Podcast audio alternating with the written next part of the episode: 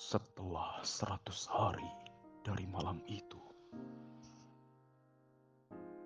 untuk Rebecca,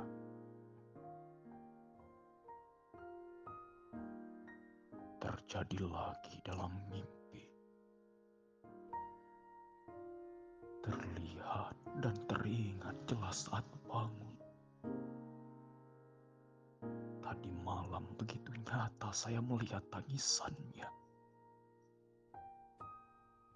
Dia dipelukan kakak perempuannya terseduh-seduh.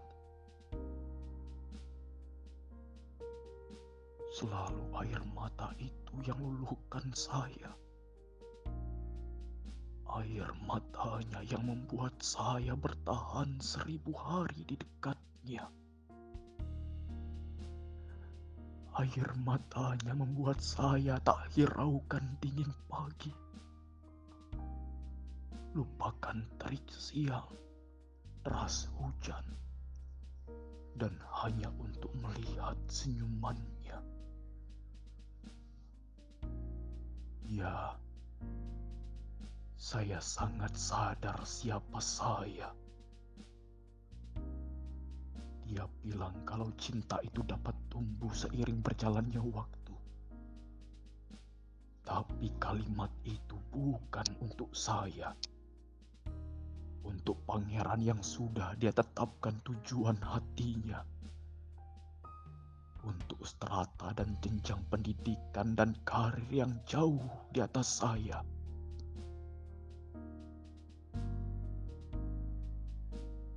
Dia bilang jikalau cinta itu tak pandang siapa. Tapi kalimat itu bukan untuk saya.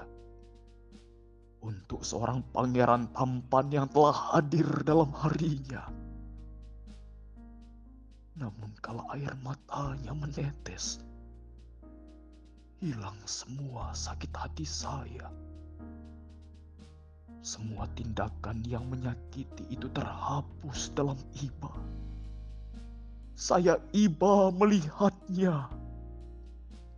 Saya tidak tega. Tetapi saat tak ada masalah menyapa hidupnya, dia lupakan lagi saya. Wow, sayangku yang saya sayangi. Kisah ini luar biasa. Saya ada dan kamu nyata. Waktu, tenaga, air mata telah terbuang percuma. Saya tidak pernah menuntut hak yang seharusnya saya dapat. Saya cuma berada di dekatmu dan berusaha membuat mengembang senyummu itu. Kini saya memilih untuk pergi. Pergi dari sisimu. Pergi dari senyummu. Pergi dari setiap curhatanmu. Ini masih seratus hari kita berpisah. Begitu sulit kata maaf itu diujar. Saya tidak akan menceritakan lagi apa dan bagaimana seribu hari yang lalu. saat kita bertemu nanti.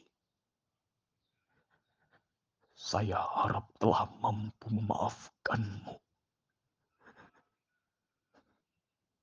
Semoga setiap apa yang kamu sentuh akan berhasil.